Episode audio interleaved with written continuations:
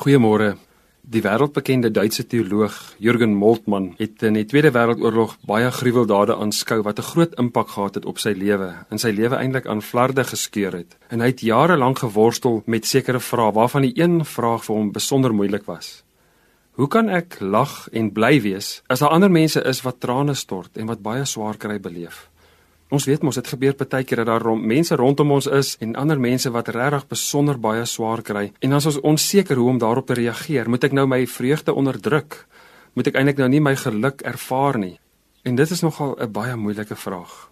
As mens kyk hoe God daarop reageer, sien jy aan die een kant dat die Skepper diep teleurgesteld is en ook pyn beleef wanneer ons die moeilike tye in die lewe deurgaan.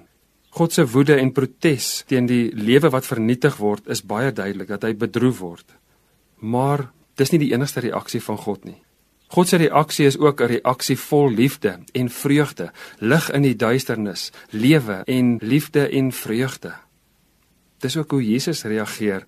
As jy kyk na sy lewe en sy vriendskappe, dat daar feeste gevier word, etes en bruilof gehou word, dat party mense homself se vraat in 'n wynsyper hou, omdat hy stories en spelende lewenshouding gehad het.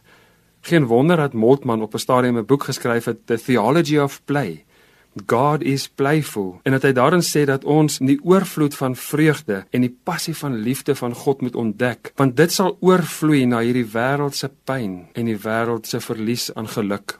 God se vreugde glansende gesig laat ons gesigte blink van vreugde. Soos Psalm 30 vers 11 sê, ek was in rou maar u het my van vreugde laat dans. U het my rouklere uitgetrek en vir my feesklere aangetrek.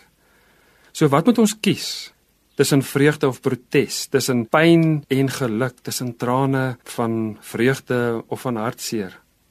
Ek dink nie jy hoef te kies nie. Jy kan albei vashou, want die geheim van die lewe is die liefde. In die liefde hou God ons hartseer en ons vreugdes vas. Want wat is groter? Vreugde of hartseer, pyn of geluk, lewe of dood, wat is die grootste? Die woord sê dat die lewe is meer as die dood. Hoop is meer as die wanhoop. Vreugde is groter as die pyn.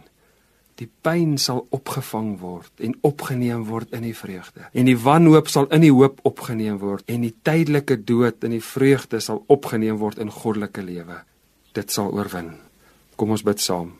Here, Dankie dat u vreugde soos 'n onderstroom is wat in ons lewens instroom en lewe gee. Amen.